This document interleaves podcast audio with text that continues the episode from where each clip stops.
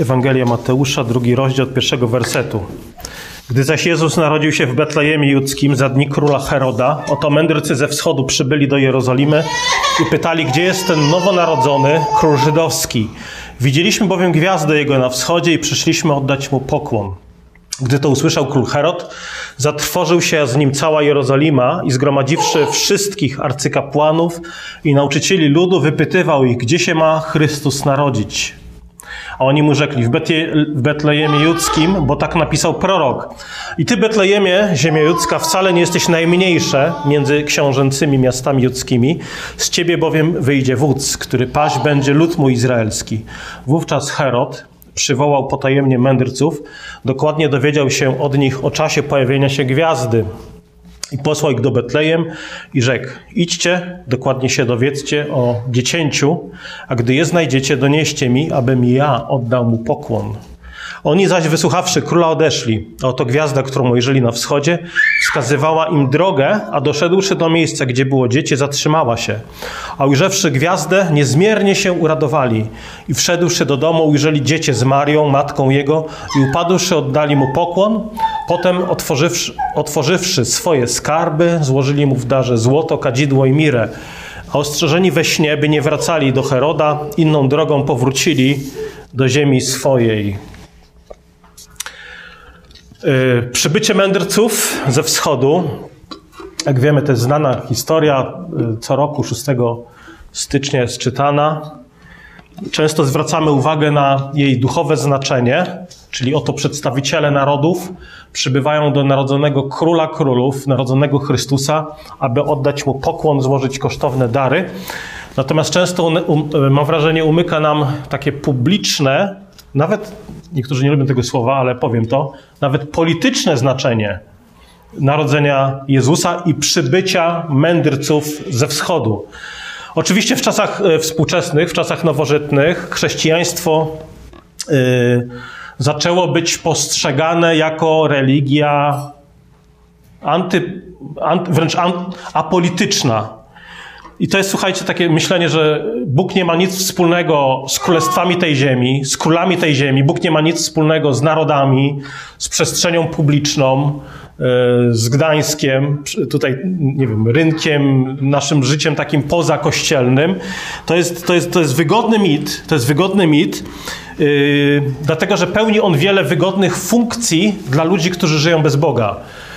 On służy temu, żeby po prostu wypierać Jezusa z przestrzeni publicznej. Jak wiemy, oczywiście współczesny świat y, ukształtował wiele wojen, również wojen na tle religijnych. Wiele religijnych konfliktów doprowadziło do wielu zniszczeń żyć ludzkich, dorobku człowieka, zniszczenia po prostu miast, dzieł sztuki, kultury i tak dalej. I w odpowiedzi na te wydarzenia, te tragiczne wydarzenia, kiedy dochodziło do wojen z powodów religijnych, no to różni politycy, teologowie, filozofowie zdecydowali, że trzeba coś zrobić, żeby nic takiego więcej się nie powtórzyło. I dla wielu ludzi najbardziej oczywistą rzeczą było wykluczenie, można powiedzieć szeroko, religii, Chrystusa ze sfery politycznej czy publicznej. Tak, jeżeli nie będzie odniesień do wiary w sferze publicznej, no to nie będzie wojen religijnych, tak? Dzisiaj wielu tak uważa. No to musimy wypierać obecność Jezusa w tej przestrzeni publicznej. Dlatego, że wielu ludzi właśnie tak traktuje religię, czy Pana Boga. Religia jest niebezpieczna, religia, wiara w Boga sprzyja podziałom, konfliktom, i tak dalej. Dlatego musi zostać wyparta, żeby zaprowadzić pokój i ciszę. Czyli, że, a, ale żeby tak się stało, trzeba było zmienić e, definicję słowa religia. Dlatego, że przez około tysiąc lat albo i więcej chrześcijaństwo przenikało życie również polityczne Europy Zachodniej. Europa Zachodnia została ukształtowana przez chrześcijaństwo. Podczas koronacji yy, królowie składali przysięgę trójjedynemu Bogu. Królowie i władcy tego świata zastanawiali się, w jaki sposób w praktyczny, w, w praktyczny sposób stosować dziesięć przykazań na przykład dla stosowania prawa. Natomiast dzisiaj mówi się, że nie należy mieszać chrześcijaństwa czy religii, boskiego porządku z porządkiem świeckim. Tak? Tu jest Boży porządek, tu jest Biblia, to ona mówi o sprawach duchowych, a tu mamy porządek świecki i tutaj nie mieszajmy tych dwóch, tych dwóch porządków. Należy usunąć religię z życia społecznego, politycznego, a żeby tak się stało, trzeba było religię uduchowić i zmarginalizować jej znaczenie do jakiegoś takiego wąskiego obszaru naszego życia. I co za, y, najbardziej zaskakujące tu jest to, że ci, którzy najbardziej chcieli podążać i do dzisiaj podążają za takim programem, wcale to nie są jacyś liberałowie, to nie są nawet tak zwane liberalne kościoły, to nie są niewierzący ludzie udający chrześcijan. W większości, słuchajcie, to są, e, wiadomo, oczywiście niewierzący nie lubią obecności Boga, wciąż nawet jak było, Bo mamy sezon cały czas Bożego Narodzenia, no to e, gdzie to było? W jakimś, nie wiem co to było za portal, no, były, były, były życzenia wesołych świąt zimowych, tak? Unika się nawet pojęcia Boże Narodzenie. Wiadomo, że niewierzących będzie to kuło. Boże, Boże Narodzenie przypomina nam wszędzie o Bogu, że narodził się Syn Boży. Chcemy to wyprzeć, ale w dużej mierze to biblijnie wierzący, konserwatywni chrześcijanie również uczestniczą w tym, żeby wypierać Pana Boga z przestrzeni publicznej. To jest ciekawe. Podczas gdy wielu liberałów zastąpiło wiarę takim społecznym zaangażowaniem. Nie głośmy Ewangelii, tylko po prostu angażujmy się w, w politykę, społeczne zaangażowanie, naprawę ziemi, problemu ubóstwa, globalnego ocieplenia i tak. Y, to z drugiej strony wielu wierzących w Biblię chrześcijan całkowicie zrezygnowało z, tych, z, te, z tego publicznego czy wręcz politycznego wymiaru naszej wiary. I tutaj, nie, kiedy mówię po, polityczny wymiar wiary, nie chcę powiedzieć, że Kościół powinien się wtrącać w politykę. Nie chcę powiedzieć, że Kościół powinien, nie wiem, na nabożeństwach mówić ludziom, na kogo głosować, albo wspierać jakąś partię polityczną, promować jakie, jakieś partie polityczne. Mam na myśli raczej to, że biblijna wiara dotyczy całej rzeczywistości. Dzisiejszy dzień, dzisiejsze święto powinno nam to przypomnieć, że do Jezusa przyszli przedstawiciele narodów, no, widzi się w nich, myślę słusznie, królów, władców czy arystokratów. Czyli wiara biblijna dotyczy całej rzeczywistości. E, Boże Narodzenie o tym przypomina, przybycie mędrców ze wschodu o tym przypomina. Niestety, kiedy często yy, samo nauczanie Jezusa, kiedy Jezus mówił Królestwo Boże, Jezus mówił Królestwo Boże jest pośród was, to często jako wierzący mamy tendencję, żeby to tłumaczyć, aha, do, ducho, duchowe królestwo. To jest duchowe królestwo. Że to królestwo nie ma nic wspólnego z tą ziemią, tym światem, naszymi czasami. Nie? Uduchawiamy. Kiedy Jezus zostaje ogłoszony królem Żydów, od razu mówimy, no cóż, no królem, tak, no jego królestwo jest nie z tego świata jest królem duchowym. Kiedy apostoł Paweł mówi chrześcijanom, żeby podporządkowywali się władzy, to mówimy, no widzicie, chrześcijaństwo nie jest y, polityczne, po prostu słuchamy władzy i robimy swoje, tak? Nie mieszamy się y, do sfery publicznej. Y, władza po prostu może robić co chce, my mamy jej słuchać. Władza może wprowadzać jakieś swoje limity w kościołach, wprowadzać jakieś segregacje, kto może, kto nie może przyjść do kościoła i tak dalej, kto może być ordynowany, wyświęcony na duchownych i tak dalej. Oczywiście Pan Jezus mówi, że królestwo moje nie jest z tego świata.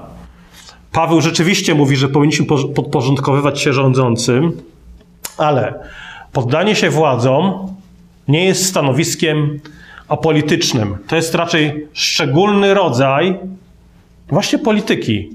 Tak, Jezus nie, przecież Jezus nie zaprzecza, że jest królem. Jezus nie zaprzecza, że ma królestwo tu na ziemi. Zaprzecza natomiast, że jego królestwo jest podobne do królestwa Heroda, Piłata czy, Ce czy Cezara. Ale jasno przyznaje, że jest królem ze swoim królestwem. To jest, słuchajcie, deklaracja polityczna. I oczywiście słowo polityka nam się źle kojarzy z korupcją, wojnami, złem, hipokryzją. Yy, Natomiast Królestwo Jezusa, można powiedzieć, odczarowuje politykę w tym sensie, że, że, że, że tak, Bóg jest królem narodów, Bóg jest Panem Panów, I nie możemy powiedzieć, że nie ma nic wspólnego z królestwami tej ziemi, z rządzącymi, władcami i tak. Jezus powiedział, że synowie tego świata są w swoim pokoleniu mądrzejsi niż dzieci światłości. Synowie tego świata są mądrzejsi. I teraz zwróćcie uwagę, że Herod, czyli paranoik, rządny władzy, pozbawiony skrupułów człowiek, dostrzegł w narodzeniu Jezusa coś, czego nie dostrzega wielu wierzących. Mianowicie wiedział, że kiedy Jezusa się nazywa synem Dawida, królem Żydów, to jest to roszczenie, które dotyczy jego panowania, czyli Heroda, że to jest roszczenie polityczne, że to jest, że to jest polityczne zagrożenie. I dlatego zobaczcie, w, w opisach Bożego Narodzenia czytamy, że zatrwożył się Herod, a wraz z nim cała Jerozolima, na wieść o narodzonym dziecięciu, narodzonym królu. I teraz pytanie jest, nie wiem, czy myśleliście o tym, dlaczego Herod chciał zabić Jezusa, kiedy Jezus był jeszcze dziecięciem? Ano dlatego, że rozumiał, że jego narodzenie i oznajmienie, że jest królem, są zagrożeniem dla rządów Heroda. I teraz błędem byłoby, gdyby jakiś szczery brat, szczery chrześcijanin poszedł do Heroda i zaczął go uspokajać, mówiąc, że słuchaj, spokojnie, spokojnie, nie musisz polować w ogóle, nie musisz y, targać się na życie Jezusa. On nie jest zainteresowany królestwem tu na ziemi. On nie jest zainteresowany, on nie jest w ogóle zagrożeniem dla Twoich rządów. On chce po prostu założyć taką y, małą grupę dziwnych ludzi, których powoła wśród celników i rybaków, zajmie się po prostu modlitwą, śpiewem, taką wiarą zamkniętą na cztery spusty w domach czy w, w katakumbach. Tak spokojnie, Herodzie, nie martw się, możesz robić swoje. Jezus nie jest dla ciebie żadną konkurencją. Nie jest zainteresowany tym, co robisz. Ale zobaczcie, że Herod jednak y, miał rację, kiedy widział w tym logikę polityczną. A logika jest taka: o, o narodzonym Jezusie mówi się, oto narodził się król żydowski. Przecież Herod mówi o sobie, ale przecież to ja jestem królem żydowskim. To ja, jak to? No to rozumiał, że obaj nie mogą mieć racji. Albo to jest król, albo to jest król. Jeżeli obaj twierdzą, że są królami żydowskimi, a tak się mówiło o nich, no to jest konflikt, tak? To jest nieunikniony konflikt. Yy, dlatego pojawienie się Jezusa nieuchronnie wywołało strach i wściekłość u niego. Wywołuje wściekłość u innych pretendentów do tronu. Sama obecność na Jezusa na ziemi, zobaczcie, że nawet jako małego dziecka, była dla Heroda aktem politycznym, takim zagrożeniem dla jego, dla jego rządów. Tak, to było Boże wyzwanie dla ówczesnych struktur politycznych, rzuceniem przez Boga rękawicy Herodowi i wszystkim podobnym do niego ziemskim władcom. To dlatego dzisiaj również, kiedy odnosimy się do Jezusa albo do Jego słowa w sferze publicznej, kiedy dyskutujemy na przykład na temat, nie wiem, zabijania nienarodzonych, kiedy rozmawiamy na temat wolności, segregacji ludzi, podatków, kompetencji państwa, wolności w edukacji, odwołujemy się do Bożego Słowa, to, to irytuje, zobaczcie, tak? Szczególnie niewierzących, ale czasami wierzących też. Że co ty mieszasz tutaj Boży porządek, święty porządek, czysty porządek, Boży porządek z tym światem. Ale tak, tak było już od narodzenia, narodzenia Jezusa. Był ten konflikt i, i Herod rozumiał to o wiele lepiej niż wielu współczesnych chrześcijan. Narodziny Jezusa to jest wieść dla władców, nie tylko oczywiście, ale dla władców jest to wieść z Psalmu drugiego. Bądźcie więc teraz rozsądni królowie, tak? Narodził się Jezus, Syn Boży przyszedł w ciele, no to teraz bądź Pan rozsądny. Przyjmij przestrogę, przyjmijcie przestrogę sędziowie ziemi. Służcie Panu z bojaźnią i weselcie się. Z drżeniem złóżcie Mu hołd, aby się nie rozgniewał i abyście nie zgubili drogi. To jest przede wszystkim wezwanie do władców tego świata, Przyjmijcie przestrogę, służcie Panu, weselcie się, z drżeniem złożcie Mu hołd. To jest przepis, Boża recepta dla dobrego władcy. I teraz dlaczego o tym mówimy w taki dzień jak dzisiaj? Otóż historia mędrców ze wschodu, którzy przybyli do Jezusa, jest historią właśnie z, takim, z taką polityką, Bożą polityką w tle. Dlatego, że zwróćcie uwagę, że wszystko w tamtym czasie, w czasie narodzenia Jezusa, wszystko jest postawione do góry nogami w stosunku do historii, którą Bóg opowiadał w Starym Testamencie, jeśli chodzi o wyjście Izraela z Egiptu. Że oto Izrael, który miał zanieść Boże światło do narodów, sam staje się bezbożny jak Egipt w czasach Mojżesza. To jest narodzenie Jezusa i przybycie mędrców do Betlejem, to jest historia wyjścia Izraela z Egiptu do góry nogami. Czyli zobaczcie, faraon miał nadwornych magów, kapłanów, którzy byli bożymi przeciwnikami. Oni mu tam podpowiadali, że nie wypuszczaj, nie wypuszczaj, a my też to potrafimy robić, też te sztuczki, które umie Mojżesz i tak dalej. Czyli faraon miał nadwornych kapłanów, którzy byli przeciwnikami bożymi. Tutaj mamy Heroda, króla żydowskiego, który jest nowym faraonem, który jest otoczony przez magów, y, przepraszam, nie przez, przez arcykapłanów, przez arcykapłanów, przez uczonych w piśmie, którzy są jak egipscy kapłani, a więc są przeciwnikami bożymi. Faraon zabijał niewinne hebrajskie dzieci. Tutaj kto to robi? Król żydowski, Herod, poluje na Jezusa, zabijając niemowlęta.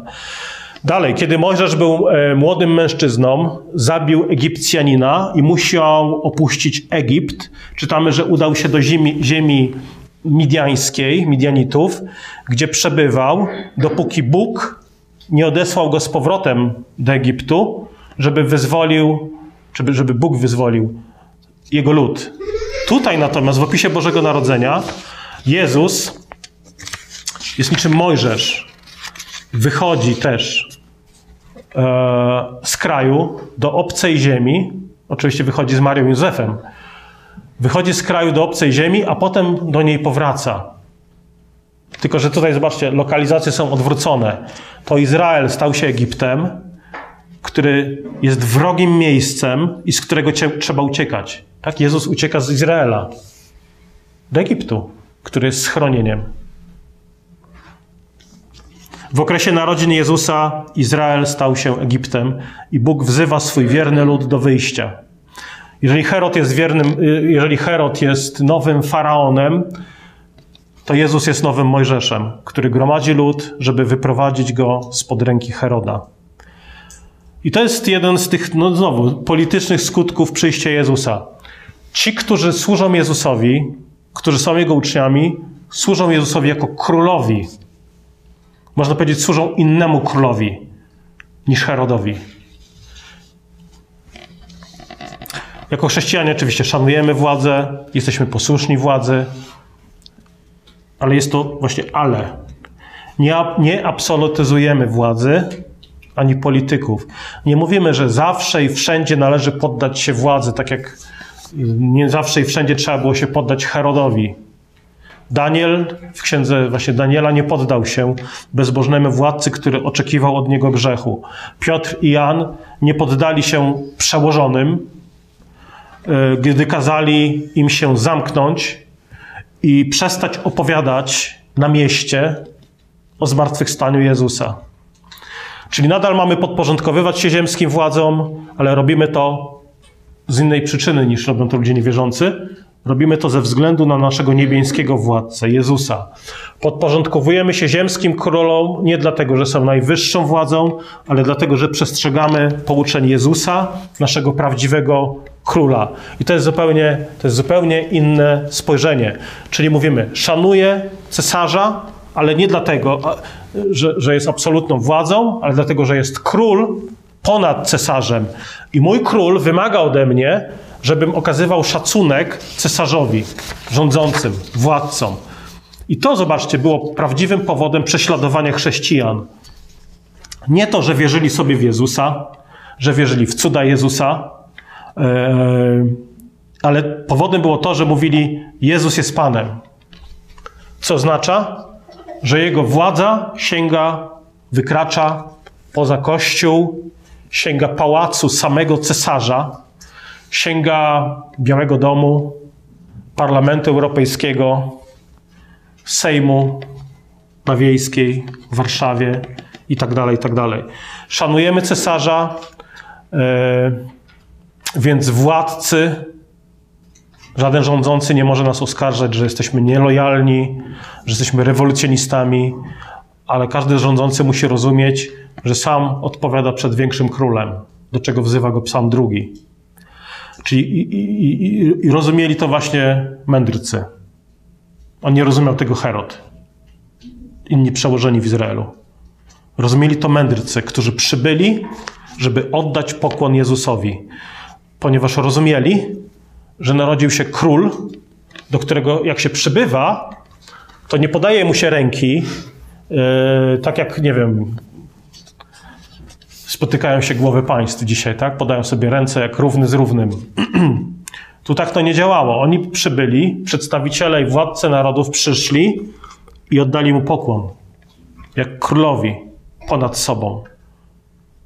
I robią to, zwróćcie uwagę, przedstawiciele narodów, a nie Żydzi, przynajmniej tutaj w tym urywku. Yy, robią to przedstawiciele narodów i to jest, to jest, to jest istotne. Też zwróćcie uwagę, że jak przeczytacie genealogię Jezusa, właśnie w tej Ewangelii Mateusza, którą, w której czytamy o mędrcach, to tam mamy cztery kobiety, e, w genealogii Jezusa, cztery kobiety, które są pogankami. W sensie nie, nie, nie są Żydówkami, nie są z Izraela. E, można powiedzieć, że to też jest taka symboliczna zapowiedź włączenia nieżydów do nowego Izraela.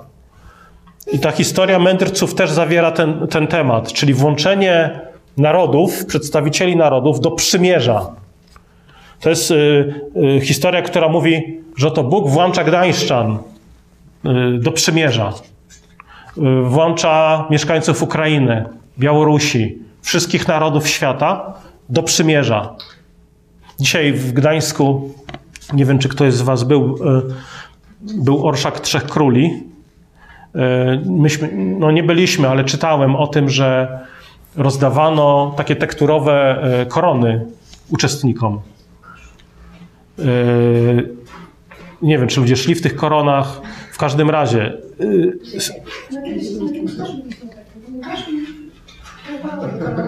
O!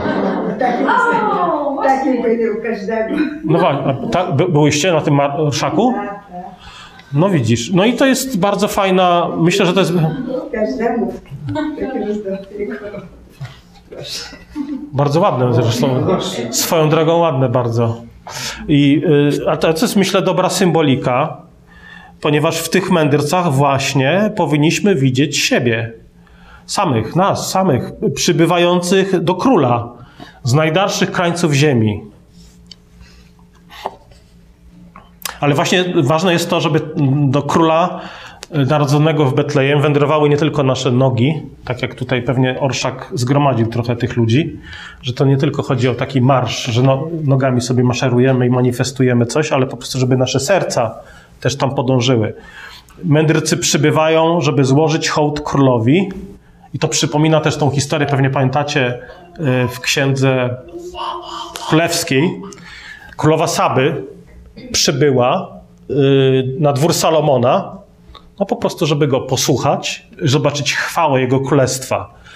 Yy, I ta historia też przybycia królowej Saby do Salomona i przybycia mędrców do Betlejem, one wypełniają proroctwo z księgi, no Izajasz później pisał niż, niż Salomon, ale to jest właśnie ta historia yy, o poganach przybywających do Jerozolimy, aby ofiarować swoje bogactwa Bogu Izraela. Tylko, że różnica polega na tym, że kiedy królowa Saby przybyła do Salomona, to nie czytamy, że stała się wyznawczynią Bożą. Ona oczywiście była zachwycona. Ona mówiła, że to, co zobaczyłam, było jeszcze lepsze, większe i chwalebniejsze niż to, co myślałam, że zobaczę. Ale nie czytamy, że stała się wyznawczynią Bożą. Natomiast tutaj mędrcy idą do Jezusa, oddają pokłon wiary. Wszystko wskazuje na to, że po prostu to byli wierzący ludzie, którzy, nie wiem, może przeczytali jakieś zwoje pism. E, ktoś im powiedział, że gwiazda wskaże wam miejsce narodzenia Mesjasza. Yy, oddają pokłon wiary Jezusowi. Mędrcy są tu jak Izrael, który, którego Bóg wyprowadził z Egiptu i poprowadził do nowej ziemi. Pamiętacie, prowadził Izrael poprzez słup ognia i obłoku. Tak tutaj prowadzi ich poprzez gwiazdę. I też tą analogię widzimy w kierunkach, tak? Że tutaj widzimy mędrcy ze wschodu przybyli do Jezusa, szli od strony wschodniej do Betlejem. Izrael również zajął ziemię obiecaną, wchodząc do niej od strony wschodniej.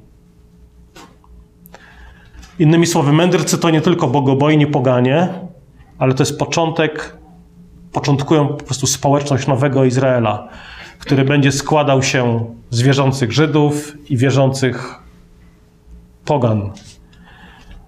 Mędrcy są tym prawdziwym Izraelem, początkiem Bożych żniw wśród pogan.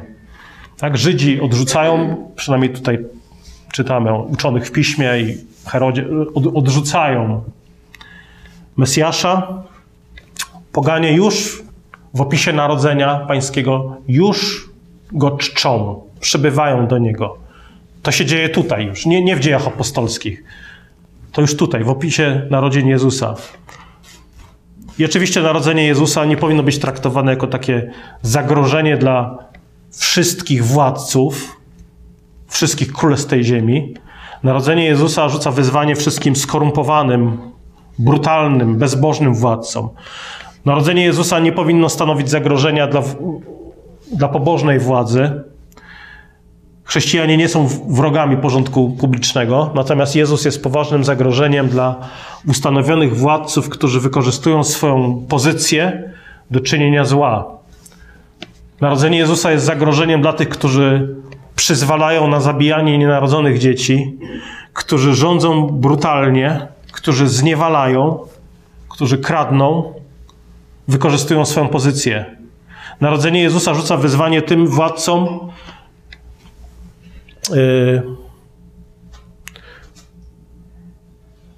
szczególnie, szczególnie yy, kiedy, kiedy myślimy, kto, kogo, kogo Bóg wywyższył w, yy, w Bożym Narodzeniu. Boże Narodzenie po prostu ogłasza, że Bóg wywyższył to, co jest pomijane, to, co jest wzgardzone, Oto pasterze, tak, przybywają z jakiegoś dziwnego miejsca, przy, przychodzą uczniowie, Jezus powołuje uczniów z jakich, jakichś dziwnych miejsc.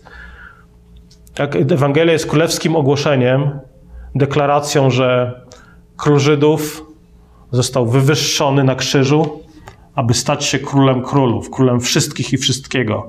Ewangelia wzywa do poddania się najwyższemu królowi i jednocześnie przez Ewangelię Bóg gromadzi razem słabych, ślepych, głodnych, głuchych, pogardzanych, odrzucanych, żeby stali się zalążkiem Bożego Królestwa. Historia Jezusa dobrze ilustruje narodzenie Jezusa. Bożą politykę opisaną w pierwszym liście do Koryntian, gdzie Bóg mówi: To, co u świata głupiego, wybrał Bóg, aby zawstydzić mądrych, i to, co u świata słabego, wybrał Bóg, aby zawstydzić to, co mocne. I to, co jest niskiego rodu u świata i co wzgardzone, wybrał Bóg. W ogóle to, co jest niczym, aby to, co jest czymś, unicestwić. Aby żaden człowiek nie chełpił się przed obliczem Bożym. Ale wy dzięki niemu jesteście w Chrystusie Jezusie, który stał się dla was mądrością od Boga i sprawiedliwością i poświęceniem i odkupieniem, aby jak napisano, kto się chlubi, w Panu się chlubił. Bóg działa w zaskakujący sposób. Tak powołuje do wiary mędrców z dalekiego wschodu, jakiś po prostu pogan. Tutaj nawet ich imion tu nie mamy podanych. Bóg powołuje pasterzy, Bóg powołuje celników, rybaków, po prostu powołuje ludzi ze zwykłych miasteczek, wsi, to co wzgardzonego i niezauważonego u świata. Okoliczności narodzin Jezusa zapowiadają po prostu drogi Jego Królestwa. Królestwo Boże obala królestwa tego świata, a Królestwo Boże rozrasta się i mamy obietnicę, że obejmie całą ziemię poprzez wierną służbę ludzi tacy, takich jak mędrcy ze wschodu, poprzez wierną służbę ludzi takich jak ty czy ja. Także Boże Narodzenie ma ten charakter, że to, co wywyższonego u świata Bóg poniżył, to co wzgardzonego u świata Bóg wywyższył. Dlatego cieszmy się, radujmy się z cudu Bożego Narodzenia. Pośpiewajmy jeszcze yy, kolendy.